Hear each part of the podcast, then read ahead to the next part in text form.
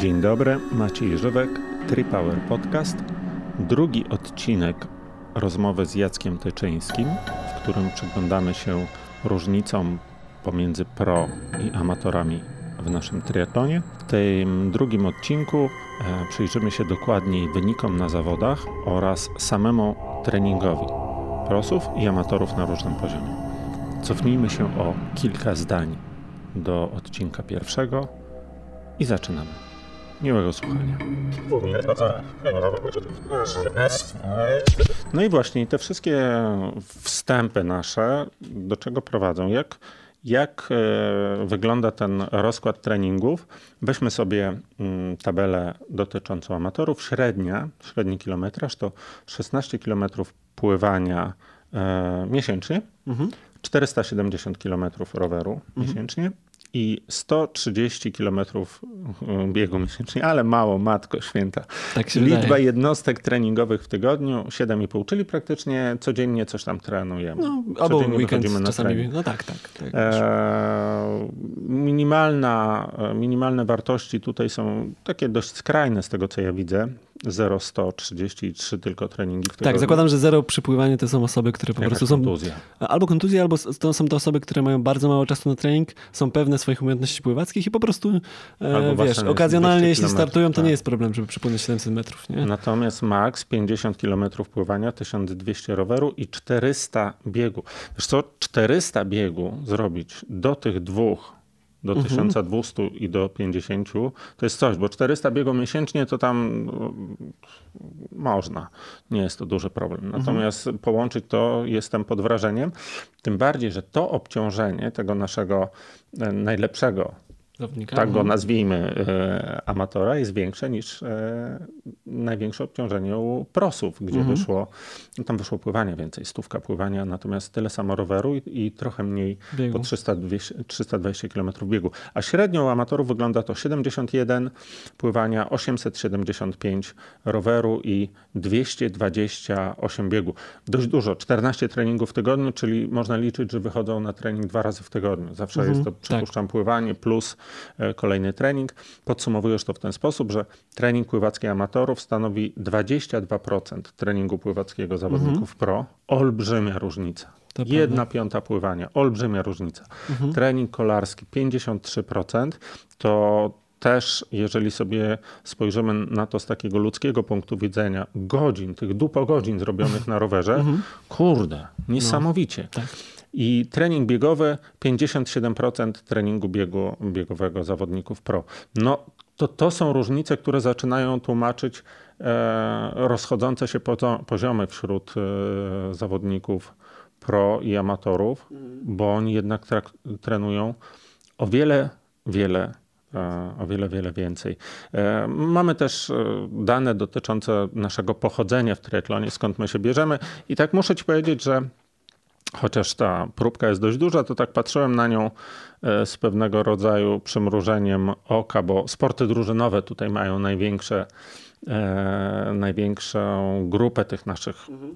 osób, które przychodzą do nas do, do triatlonu z amatorów i tak się zastanawiam, co to są za sporty drużynowe. Czy to jest takie coś jak, mm, bo ja, ja na przykład dwa ćwiczyłem takie sporty. Jeden mieliśmy koszykówkę, gdzie to było zorganizowane, mieliśmy treningi, jeździliśmy na mecze, tam powiedzmy szkoła podstawowa, a drugie na czym spędzałem dużo więcej czasu, to była, wiesz, piłka nożna, gdzie graliśmy z chłopakami po jakichś tam mm, boiskach e, dziwacznych. Miało to zero struktury sportu i, mhm. i zastanawiałem się, czy mm, właśnie ci ankietowani, podając te wyniki, nie biorą właśnie pod uwagę takich sportów podwórkowych, nie do końca takich, które trenowali, bo okazało się, że wszyscy coś w życiu trenowali, a to... Tak. Znaczy, prawda jest taka, że zaskakująco dużo jest byłych piłkarzy w triatlonie. Mhm. E, takich, którzy mieli faktycznie przyszłość sportową w piłce nożnej. Nie? Mhm. Takich zawodników jest dużo. Natomiast... Wiesz, ty jesteś z Krakowa, to tam wszyscy grają w piłkę. Oczywiście. Natomiast... W ogóle wszędzie wszyscy grają Wszędzie grają wszyscy w piłkę, to prawda. E, ale to są w ogóle zawodnicy, którzy bardzo też często narzekają na kontuzję. Nie? Piłka nożna na, na poziomie wysokim, zwłaszcza tak, kilkanaście lat temu. Z kontuzjami, tak. tak, ale jeszcze biorąc pod uwagę podejście trenerów w piłce nożnej, czy, czy w ogóle trening e, piłki nożnej jeszcze parę lat temu, no to był zamordyzm, nie? Tak jakby tam się nie patrzyło koniecznie na dobro zawodnika, tylko jego przydatność dla drużyny i faktycznie często ci no, zawodnicy robili... drużynowy. Tak, sport drużynowy w, no, w skrajnym podejściu, natomiast... Yy, yy, bardzo dużo było zawodników gdzieś tam właśnie mówiących o tym, że trenowali siatkówkę. E, jeśli ktoś właśnie podwórkowo grał, pisał o tym i nie brałem tego pod uwagę, więc mhm. jakby raczej to jest grupa, która faktycznie o, coś... rzeczywiście coś dużo osób trenujących, coś. Tak, to jest faktycznie raczej grupa, która w jakimś stopniu zawodniczo trenowała w siatkówkę, koszykówkę czy piłkę nożną. Najczęściej mhm. są te dyscypliny. Nie? Przechodzimy do mm, takiej struktury zawodników biorących udział na poszczególnych dystansach w triatlonie. E, tu bierzesz jedną ósmą, jedną czwartą, połówkę Ironmana oraz e, powiedziałbym dystanse wyczynowe, czyli sprint i olimpijkę. Mhm. Sprint i olimpijkę odłóżmy sobie trochę na bok, bo tak. wydaje mi się, że jeszcze zbyt mało osób w tym startuje, mhm. tak żebyśmy to, to brali do szerszego porównania. Też chodzi o, o jakieś tam ograniczenie tej naszej próbki. No więc tak, jedna ósma, to jest w ogóle fajny dystans, wiesz, Fajny. bo e, jak długo trenuje pani triatlon? Weźmy sobie pierwszą trójkę, 2-3 lata, 2 lata. Czyli nie trzeba długo trenować triatlonu, żeby jako amator osiągać tam dobre wyniki. Jak dobre, to zaraz sobie do tego przejdziemy. Mhm. E, ale średni miesięczny kilometraż pływacki na jedną ósmą, no spodziewalibyśmy się, w ogóle o jednej ósmej e, to jeden z moich znajomych ostatnio powiedział, e, pytam się go, jak poszło, on mówi, a ja w Iron Kidsach startowałem. No jak w Iron Kidsach? No na jednej ósmej, ale te jak sobie teraz spojrzymy na tych Iron Kidsów, to mamy średni kilometraż pływacki u tej pierwszej trójki z najlepszymi wynikami 40 km, 40 mm km, trzeci 22, czwarty 46, rower 840, 800, 500, czołówka, bieganie 240, 160, 150. To w ogóle nie ma nic wspólnego z jakimiś e, sprinterskimi e, dystansami, prawda? Tak. I być może dlatego właśnie osiągają ci nasi goście bardzo podobne wyniki do prosów, a najlepszy z amatorów jest najlepszy od, e, jest lepszy od prosa tak. w tym zestawieniu. Mm. Na jednej ósmej to na razie mówimy o mężczyznach. Niesamowite. To jest, wiesz... Ciekawa statystyka, bo to jest tak. troszeczkę tak, że trzeba wziąć kontekst pod uwagę. Nie? E, w Polsce na jednej ósmej najlepsze, zawodni... najlepsze wyniki osiągają zawodnicy pro z krótkiego dystansu, którzy okazjonalnie startują sobie na jednej ósmej e, bez draftingu, nie? To, mhm. to, się zdarza. Zawodnicy startujący na połówkach czy na, na, na pełnym rzadko zahaczają o tą jedną ósmą, e, natomiast amatorów, którzy startują na jednej ósmej jest znacznie, znacznie więcej, więc powiedzmy e, jakby dobre ich wyniki wynikają w dużej mierze z zainteresowania e, i braku zainteresowania u pro często.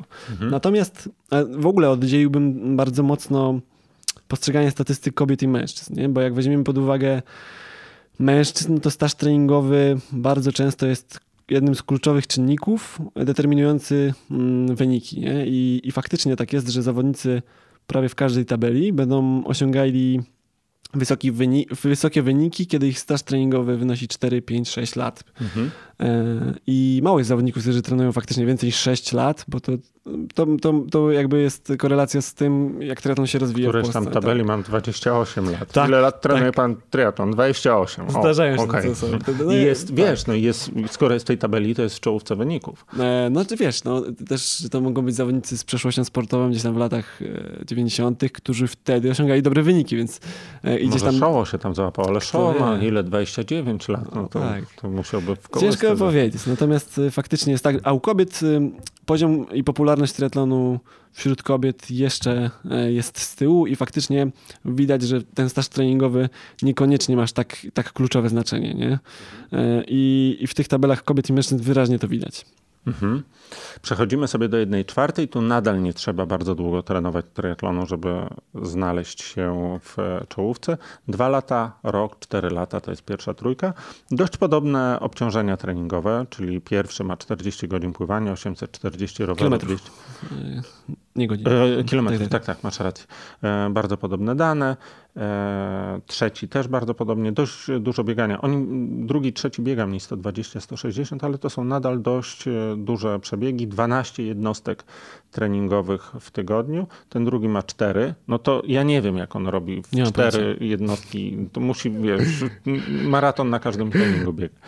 Znaczy trzeba wziąć pod uwagę błąd statystyczny. Błąd, tak, błąd ale, przy ankiecie, ale to zdarzają się takie 12, sytuacje. 10 to jest ten przedział, czyli mm. zawodnicy z jednej czwartej z czołówki nadal e, startują, e, trenują dwa razy e, w tygodniu. I tak, mm, kiedy przejdziemy do pro, no tu już te różnice zaczynają się robić spore. Poza tym naszym pierwszym orłem, który jest na poziomie pro, zresztą patrząc po godzinach, to może być ten sam zawodnik z jednej ósmej, no to reszta już jednak wyraźnie odstaje, jeżeli chodzi o wyniki, bo tu mamy grubo ponad dwie godziny, a tu cała tabela jest poniżej, tak. poniżej dwóch godzin. I tu zaczyna się rozjazd pomiędzy e, prosami a amatorami, jeżeli chodzi o, e, o obciążenia treningowe, e, bo nie wiem, czy zwróciłeś uwagę, że praktycznie od jednej czwartej aż do Ironmana te obciążenia już robią się bardzo podobne. Zgadza się, tak naprawdę wiesz, to nie jest tak, że mm, inaczej.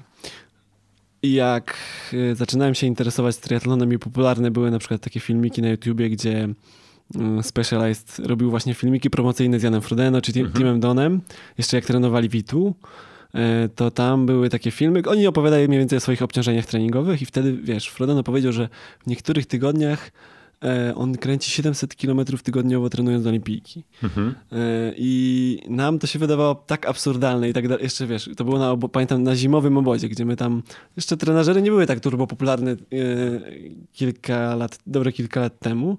I dla nas to było tak... Nudne były, teraz no masz tak. tego, Zwifta i można przeżyć Między innymi. Natomiast prawda jest taka, że objętości zawodników ITU e, startujących na sprincie olimpijce są potężne. To, jest, e, to są często większe objętości niż osoby, które trenują do Ironmana. Pamiętajmy, że po prostu mm, zawodnicy na olimpijce to są zawodnicy chyba najlepiej przygotowani, wciąż najlepiej, e, najbardziej wydolni i najbardziej zdolni. Nie?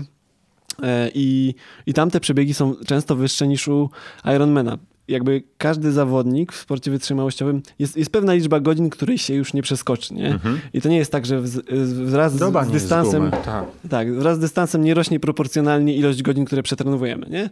Czyli e, to jest dosyć drastyczna statystyka, która mówi o tym, że jeśli sport jest wytrzymałościowy, a sprint jest wybitnie wytrzymałościową konkurencją w triatlonie, no to trenuje się bardzo dużo po prostu. Objętość jest konieczna. No i Ironman i sprint tak naprawdę ten trening objętościowo na najwyższym poziomie się spektakularnie nie różni. To jest bardzo ciekawe, biorąc pod uwagę czas trwania, ale, e, ale jeśli weźmiemy pod uwagę to, że, mm, że na, na, na biegu na 10 kilometrów e, jak porównamy sobie przemiany tlenowe i beztlenowe, no to, ta, e, to, to, to jest wybitnie już tlenowy wysiłek. No to co dopiero na właśnie na, na, na już na sprincie, a co dopiero na Ironmanie. I, i faktycznie jest tak, że mm, ogólnie właściwie najlepsi zawodnicy trenują dużo, e, niezależnie od dystansu triatlonowego, bo każdy mhm. jest po prostu wytrzy wybitnie wytrzymałościową mhm. konkurencją.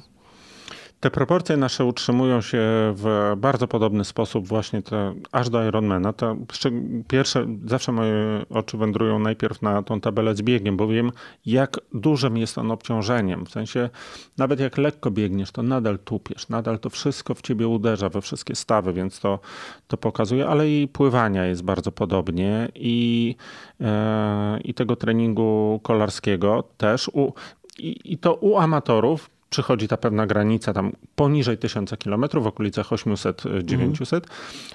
i to samo można powiedzieć o zawodowcach, którzy dość regularnie przekraczają na rowerze te 1000 km. Oczywiście o pływaniu to tam w ogóle nie mówimy, bo to tu jest różnica e, dwukrotna bardzo często.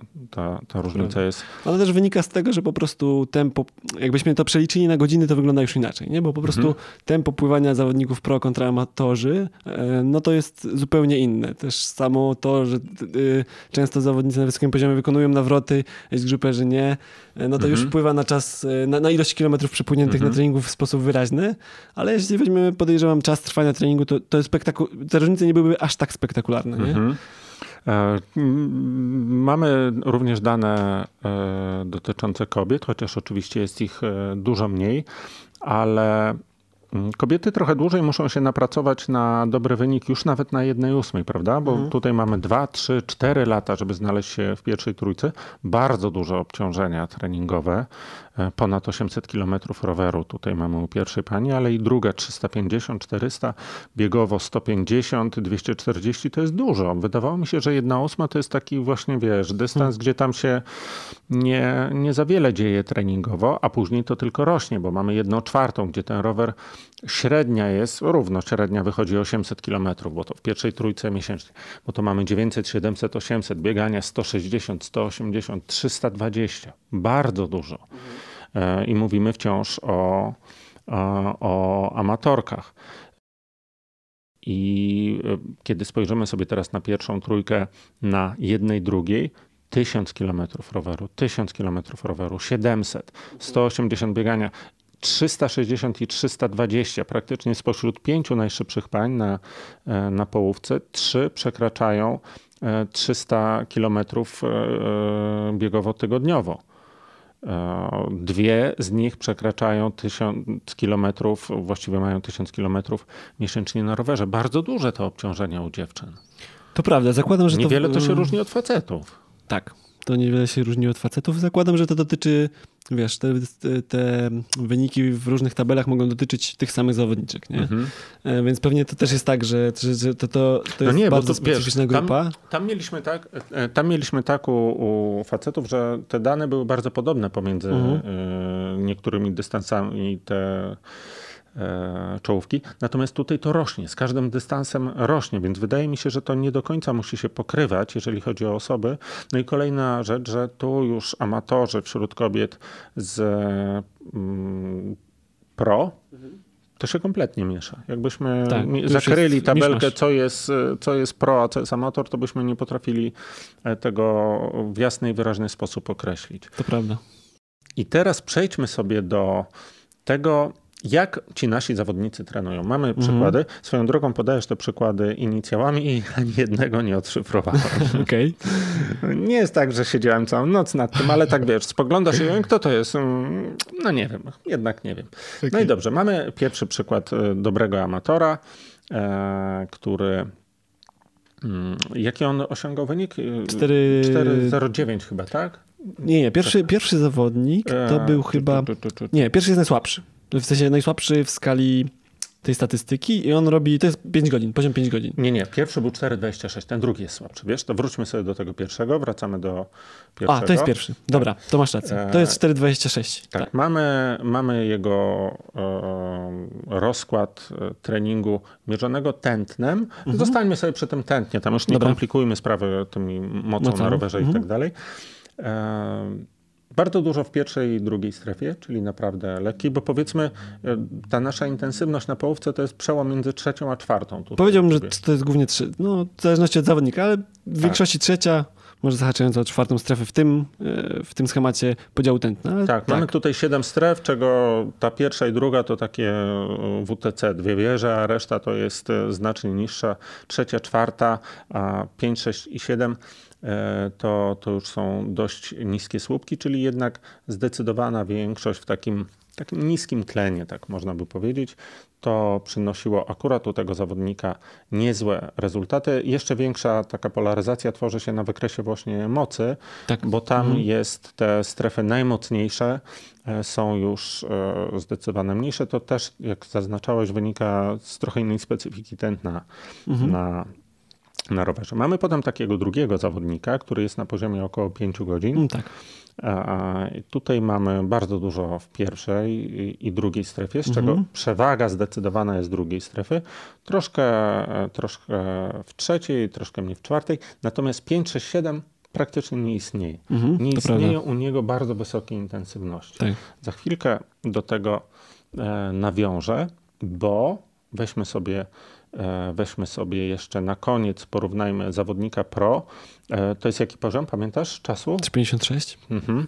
E, I tutaj mamy poza strefą piątą i szóstą mamy dość równo. Ta strefa druga jest trochę wyższa, ale pierwsza, trzecia, czyli ta nasza intensywność startowa, czwarta i siódma jest tego Sporo. Jest tego, mm, wiesz, one są na, na bardzo podobnym poziomie. Tu można by powiedzieć o pewnej polaryzacji treningu, prawda? Tak, Czyli gdzie prawda. mamy intensywność bardzo wysoką, tą siódmą strefę, jest jej dość dużo. Można by było mówić o polaryzacji treningu, gdyby nie to, że ta trzecia, czwarta, piąta, szósta w ogóle występują. Mhm. Bo to tak. powinno być zrobione tak, że tu jest. Pierwsza, e, druga w kosmos. Pierwsza, druga w kosmos. Tego jakieś tam powiedzmy zależy od, e, od dyscypliny, tam powiedzmy od 5, w okolicach 5-7%. Natomiast cała reszta, e, cała reszta nie istnieje. I kurczę, każdy z nich, tak jakby pomyśleć sobie jakiejś teorii treningowej, to każdy z nich coś tam mógłby sobie poprawić. I ten mhm. pierwszy, i ten drugi. Jeżeli w ogóle przyjmujemy e, myśl taką o treningu spolaryzowanym, tak. że ten pierwszy i drugi mogliby dołożyć sobie trochę więcej tego intensywnego treningu.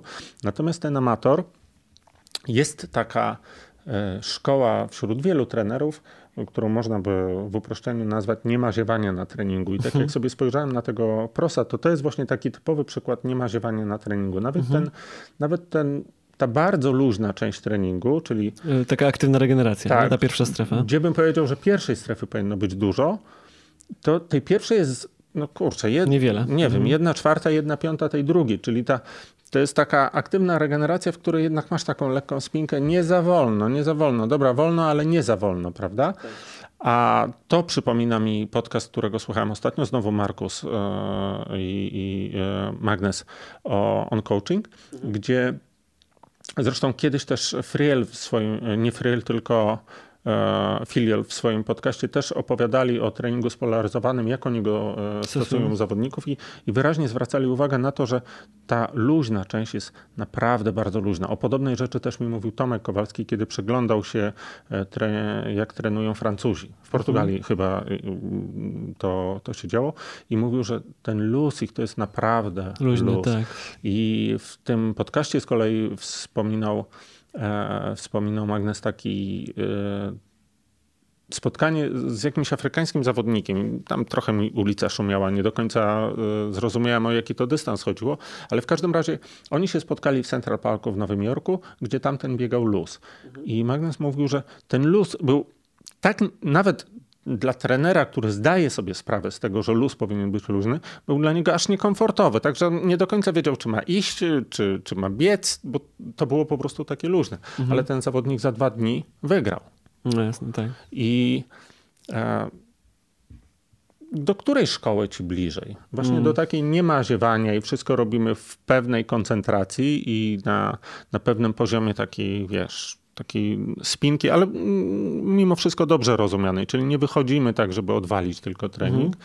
czy jednak do takiej pełnej polaryzacji? Strasznie długie to pytanie. Strasznie długie, ale bardzo fajne. E, w sensie otwiera wiele ciekawych wątków. No i to jest tak, że tutaj jest, e, tutaj dużo zależy, zależy od konkretnych e, kwestii. Czyli na przykład jeśli jeśli zawodnik naprawdę robi dużą objętość, to ten trening jest coraz bardziej spolaryzowany, powinien być coraz bardziej spolaryzowany. Czyli jeśli ktoś trenuje naprawdę 20 godzin tygodniowo plus, mm, to coraz bardziej to luźne powinno być luźne, e, a tam, gdzie trzeba przyłożyć, no to faktycznie tam trzeba mieć dużo siły. Moim zdaniem w ogóle dyskusja na temat tych niskich intensywności jest e, absurdalnie jakby rozbuchana. Nie? E, bardzo dużą wagę przywiązuje się do tego, jak biegać to easy, jak, jak jeździć to endurance, kiedy to naprawdę nie jest kluczowa kwestia w całej układance treningowej. E, bo, bo sprawa jest dosyć prosta moim zdaniem. Mm, jak weźmiemy sobie książkową na przykład strefę endurance, czyli taki, taka, taką wytrzymałość tlenową na rowerze, no to zwykle ona jest określana od 50 do 70% FTP. I jak sobie zobaczysz, czym jest 50% FTP, to, to zobaczysz, że to jest naprawdę niska intensywność, ale jak zobaczysz czym jest 75% FTP, no to już trzeba się namęczyć, naprawdę mocno namęczyć, nie? Moim zdaniem te widełki mm, o, trzeba odnieść później do objętości zawodnika. Im zawodnik ma więcej czasu na trening, tym te przebiegi, mm, tym te treningi wytrzymałości tlenowej powinny być jeżdżone spokojniej. E, jeśli ktoś ma naprawdę mało czasu na trening, no to, to nie ma co tego czasu tracić i wtedy takie podejście trening bez ziewania jest bardzo właściwe. E, I, I, wtedy faktycznie ten przedział, powiedzmy, mm, strefy endurance może być bliżej tych 70%. E, więc tutaj głównie zależy od y, tego, ile zawodnik czasu na treningu ile ma czasu na trening. Mm, kluczowe dla mnie i, i uważam tak, że mm, powinniśmy luźne treningi, luźne mam na myśli podstawę, bazę, wykonywać tak mocno, dopóki jesteśmy w stanie realizować akcenty. W sensie, jeśli komuś nie wychodzi akcent, to znaczy że najczęściej, że mm, te luźne strefy są robione za mocno. Nie? Natomiast wielu zawodników pro, którzy dołączają do grup zagranicznych, pierwsze na co zwracają uwagę, to to, że te e, treningi e, jeżdżone w niskiej intensywności są naprawdę niską intensywnością. E, I, I to się mniej więcej sprowadza właśnie do tego. Im więcej treningu, tym, tym ten tlen musi być naprawdę robiony spokojnie. I to się sprawdza. Tak naprawdę wielu specjalistów, Filol też mówił o tym w ten sposób, że moi zawodnicy e, wykonują trening e, tlenowy tak mocno jak chcą, dopóki, dopóki wychodzą im wszystkie pozostałe najważniejsze um, treningi w tygodniu. Nie? Mhm. I to nie jest tak, że te treningi tlenowe są mniej ważne, tylko że całość po prostu musi się przenikać i, i, i generalnie jeśli coś nie wychodzi, to trzeba, trzeba spojrzeć na ten trening tlenowy i zobaczyć, czy tam po prostu nie było za mocno, czy nie był on mięśniowo e, bardziej wymaga za, za, bardzo wymagający i, i tak dalej, nie? Ja uważam, że generalnie ta polaryzacja treningu to jest globalnie taki trend, który na pewno się sprawdza, nie? I, I, w większości dyscyplin wytrzymałościowych już się tak trenuje na wysokim poziomie. E, I natomiast jeśli chodzi o trening amatorski, który jest no, dosyć specyficzny, to też no właśnie tych kwestii zależy jest dosyć sporo, nie? czyli wiek zawodnika, jego staż treningowy, dystans, na którym startuje, to wszystko ma duży wpływ. Bo jak weźmiemy intensywność połówki, czy nawet Ironmana, to wielu trenerów powiedziałoby, że te treningowo są takie kurczę, e, intensywności nijakie, w sensie do niczego się treningowo nie odnoszące, mało skuteczne i tak dalej. Natomiast z drugiej strony wielu trenerów podkreśla, że kontakt z, z prędkościami startowymi powinien być utrzymywany prawie cały czas e, i, i że generalnie wielu trenerów zaleca mm, kontakt z, z intensywnością startową mm, przez cały rok, niezależnie od dystansu, żeby te specyficzne sesje miały gdzieś tam swój udział, niezależnie od okresu.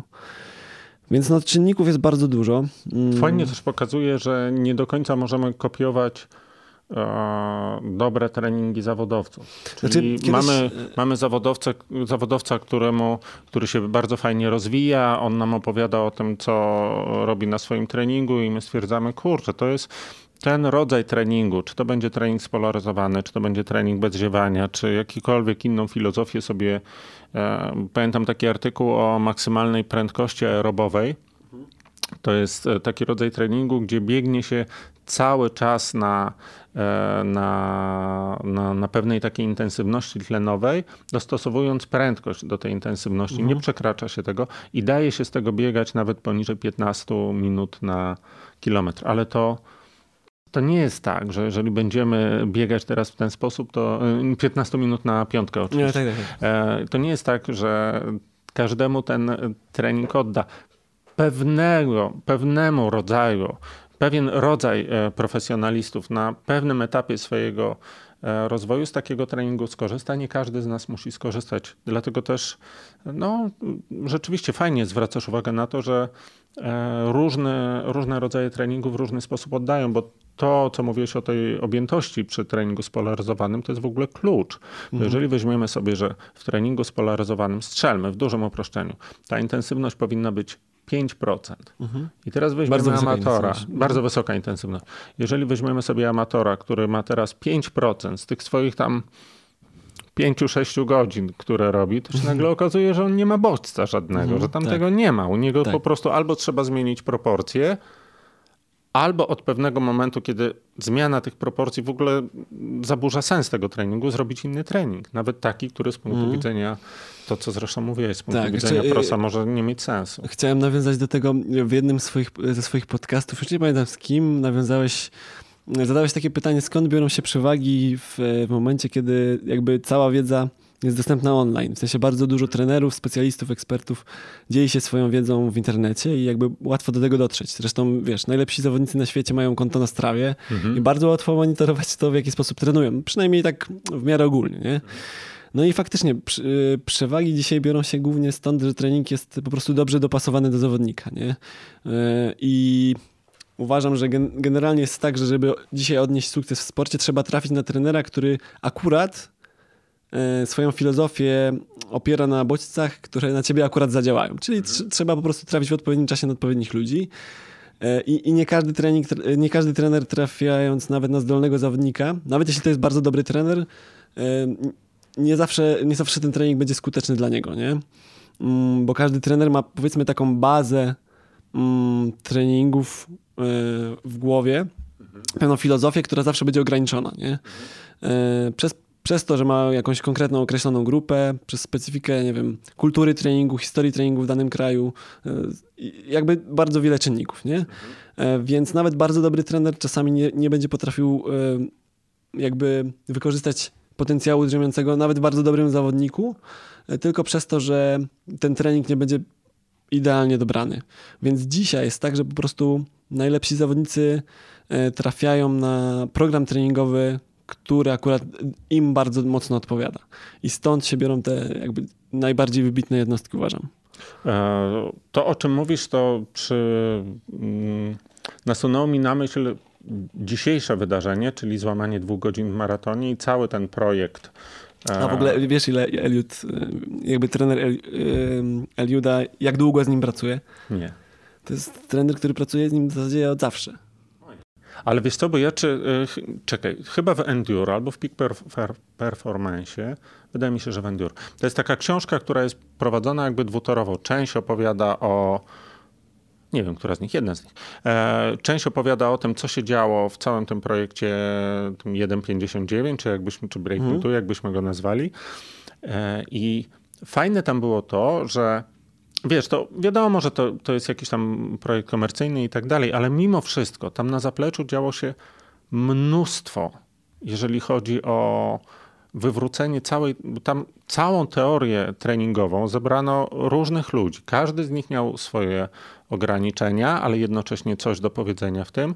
Oni zebrali mnóstwo różnych danych z różnych stron i spróbowali nauczyć się o człowieku od nowa, podejść na świeżo do tego, bo wiedzieli, że trudno będzie oprzeć to właśnie tylko na jednej e, myśli trenerskiej i z tego zrobić te 1,59, że trzeba spróbować po prostu otworzyć się pokażmy, jakie mamy wszystkie, wszyscy doświadczenia, podzielmy się tym, zróbmy coś. To też jest taka specyfika zachodnia, że u nas trenerzy jakoś nie do końca chętnie dzielą się swoim doświadczeniem. Oczywiście. E, a szczególnie w jakimś tam amerykańskim w amerykańskich systemach tam jednak dużo bardziej się dzielą, kiedy idziemy na, czy posłuchamy jakiejś konferencji e, trenerskiej takiej na zachodzie, bo to nie tylko w Stanach, to rzeczywiście ludzie wychodzą o wiele bardziej z tymi swoimi doświadczeniami. Tak, to na fali sukcesu Norwegów w triatlonie tak. właśnie wyszło, że, że tam generalnie trenerzy sportów wytrzymałościowych spotykają, spotykają się corocznie na takich seminariach E, gdzie, gdzie wymieniają się doświadczeniami, a ta, tam to doświadczenie jest tyle bogate, że ta,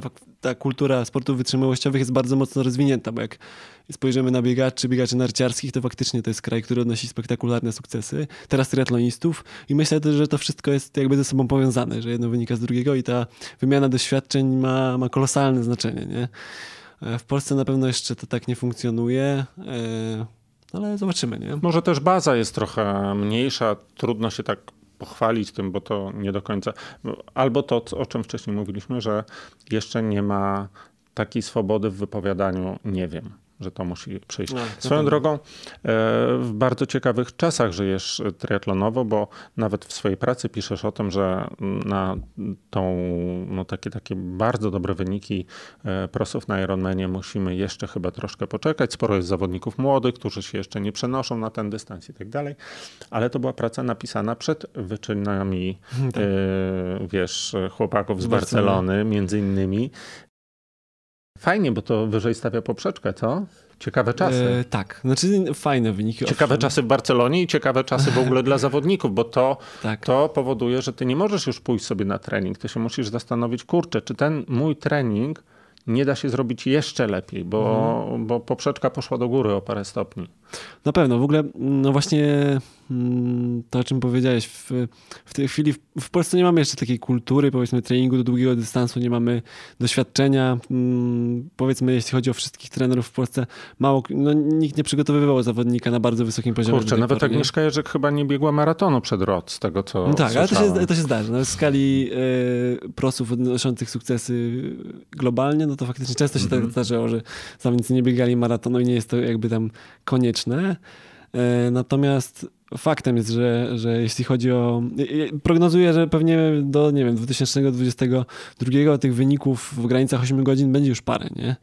E, wśród polskich zawodników i no i fajnie, widać jakby ten proces, który postępuje, nie? jeśli chodzi o długi dystans. Mm, że, że na początku ta połówka stawała się coraz bardziej popularna i teraz z roku na rok obserwując Mistrzostwa Polski Pro, no to ci zawodni tych zawodników startujących coraz więcej. Nie? E, gdzieś tam parę lat temu te, te, te Mistrzostwa Polski w Ironmanie to był one-man show albo, nie wiem, age grouperzy bardzo często zajmowali czołowe pozycje.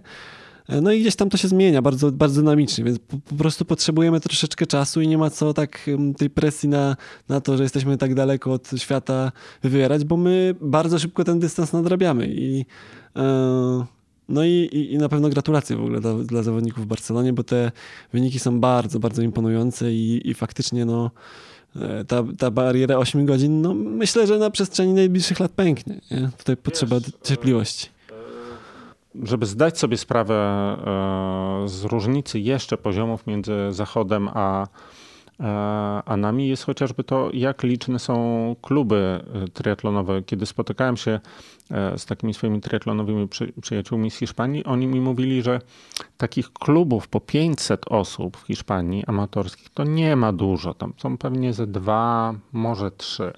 Natomiast po 200 jest od groma. Okay. Ile my mamy klubów w Polsce 200-osobowych? A klub napędza, bo weźmy sobie chociażby te, te moje tutaj, wiesz, warszawskie przykłady, czy, czy Neona, czy, czy Trinergy, czy Kuźnie Triatlony, czy którąkolwiek, e, którykolwiek z klubów. Oni organizują, wiesz, jakieś swoje mistrzostwa. Tak. Tam jest taki, poza tym, że trenujemy wszyscy razem, staramy się podnosić swój poziom sportowy, to są wydarzenia, które jeszcze cię jakoś tak mocniej podciągają. No więc jeżeli mamy, wiesz, naście, dziesiąt, naście powiedzmy bardziej klubów dwustuosobowych w Hiszpanii. Mhm. Powiedzmy, dobra, Hiszpania jest duża, ale weźmy sobie Holandię, też tam tak. rozmawiałem na ten temat, też kilkudziesięciu czy ponad stu osobowych e, klubów jest jak mrówków. No po prostu mhm. tego, tego jest po prostu bardzo dużo. Tak. Znaczy w ogóle jakby aspekt treningu grupowego w, e, jest jakby dzisiaj też bardzo mocno, jest bardzo istotny, bo tak naprawdę jak sobie e, prześledzimy najlepszych zawodników na świecie, to oni na przykład teraz na Hawaje, jakby każdy przyjeżdżał ze swoimi sparring partnerami. Tam mało kto przyjeżdża sam. Mhm. Jan Frodeno ma cały sztab y, partnerów treningowych i jakby większość tych zawodników... Brownie też, też ma takie tak, osoby, które na tak. stałe z nim trenują. Zresztą cały rozwój y, Richarda Wargi polegał na tym, że on był po prostu... Dołączył. Tak. Y, tak. No i w Polsce z tym mamy dziś jeszcze problem. Jakby nie ma w tej chwili grupy na przykład jeśli chodzi o e, zawodników pro, nie ma takiego otwarcia na wspólny trening, a gdzieś tam on jest kluczowy w, w aspekcie, wiesz, 20 godzin tygodniowo rypanych po prostu mhm. tydzień po tygodniu e, w skali roku. No i, mm, Część trenerów nawet uważa, że bez grupy nie da się wejść na bardzo wysoki poziom. Na krótkim dystansie na pewno. Uważam, że generalnie jest tak, że że na krótkim dystansie, nie mając dostępu do grupy treningowej, nie jest się w stanie wejść na odpowiedni poziom. Tamte treningi o wysokiej intensywności, realizowane dosyć regularnie, wymagają od zawodnika no, takiego mm, jakby ten, ten mental, nie, nie, nie jesteśmy w stanie po prostu e, wspiąć się na tak, jakby na taki poziom mentalny, żeby być samemu w stanie tak regularnie mhm. e, tak ciężko trenować, nie? Bo ty, powiedzmy, w poniedziałek zrobisz spektakularnie fajny trening, jesteś z siebie bardzo zadowolony, ale jesteś bardzo zmęczony, idziesz do domu i myślisz o tym, że w środę będzie podobnie, w sensie, że możesz zrobić znowu ten bardzo ciężki trening. E, I, I tak dalej, i tak dalej, nie? I, I w końcu jest, w końcu pękasz. I to jest tak, że ta grupa treningowa pozwala ten efekt jakby zmienić ten efekt i, i, jest się w stanie zmotywować do takiego bardzo, bardzo intensywnego treningu e, dużo skuteczniej. No i a, a zwłaszcza na krótkim dystansie e, specyfika tego grona trenerskiego jest taka bardzo zamknięta i uważam, że tutaj jest bardzo duży potencjał, żeby gdzieś poszukać jakiegoś takiego wspólnego języka i, i znaleźć sposób, żeby tych zawodników jakoś jednoczyć, żeby oni mogli razem częściej trenować, nie? E, bo to jest, patrząc globalnie, klucz do, do, do wysokiego poziomu sportowego.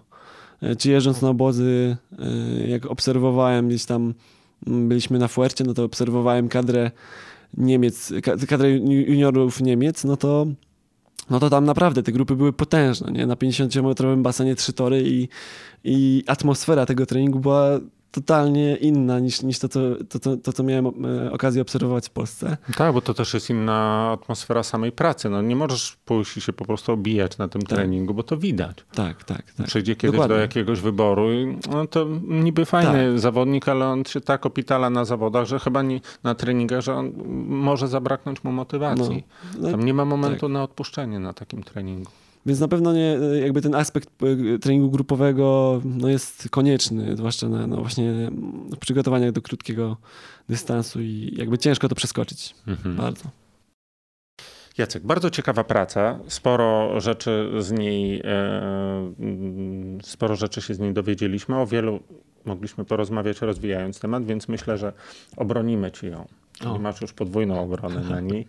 E, też e, jakby na zakończenie naszej rozmowy warto zwrócić uwagę na jedno z twoich zdań, że mm, trudno liczyć na rezultaty, mówimy tutaj głównie o amatorach, jeżeli nie przepracujemy przynajmniej tych dwóch, trzech sezonów. I to jest taka, wydaje mi się, że bardzo ważna rzecz, żeby na spokojnie podchodzić do tych wyników z pierwszych dwóch, trzech lat. Nie, nie stresować się, robić swoje przez ten czas. Mhm. Nie stresować się, czy ten wynik jest dobry, czy niedobry, bo to nie do końca musi mieć przełożenie potem w przyszłości. Tak znaczy, tutaj wydaje. jest bardzo duża rola trenerów w sporcie amatorskim, nie? żeby uświadamiać zawodnika, że to jest tak specyficzna dyscyplina, że tutaj staż treningowy odgrywa właśnie dużą rolę e, i żeby mm, uzbroić się w cierpliwość, nie? żeby na, na, początku właśnie przygotować się na duże obciążenia y, i później jakby konsekwentnie je realizować, że jakby poprawa czasów, wyników życiówek nie powinna stać na pierwszym miejscu, jeśli się myśli o, o wysokim poziomie sportowym zwłaszcza, nie? E, więc no, duża rola i duża i trudna rola trenerów triatlonu, którzy muszą po prostu mm, powiedzieć zawodnikowi, że nie da się tego osiągnąć szybko, i małym nakładem pracy, tylko trzeba do tego podejść zupełnie od innej strony. No to jest taki... Tak, tak. Bardzo fajnie, że zwróciłeś uwagę, że to osiąganie bardzo dobrych rezultatów, czy jeżeli mamy mm, bardzo duże ambicje w triatlonie, to, no to trzeba się przygotować na duże obciążenia. Trochę mi się przypomina, gdzieś to ja ostatnio usłyszałem, nie wiem czy w telewizji, czy na żywo, ale jak mama mówiła do swojego dziecka, że kochanie, tam dorosła będziesz przez e, całe życie, to pobądź sobie jeszcze dzieckiem. I tutaj to trochę też można tak sparafrazować, że tak. jeszcze się narobisz, tak. to na początku to, to po prostu pobaw się tą dyscypliną. Bardzo dziękuję. Dzięki.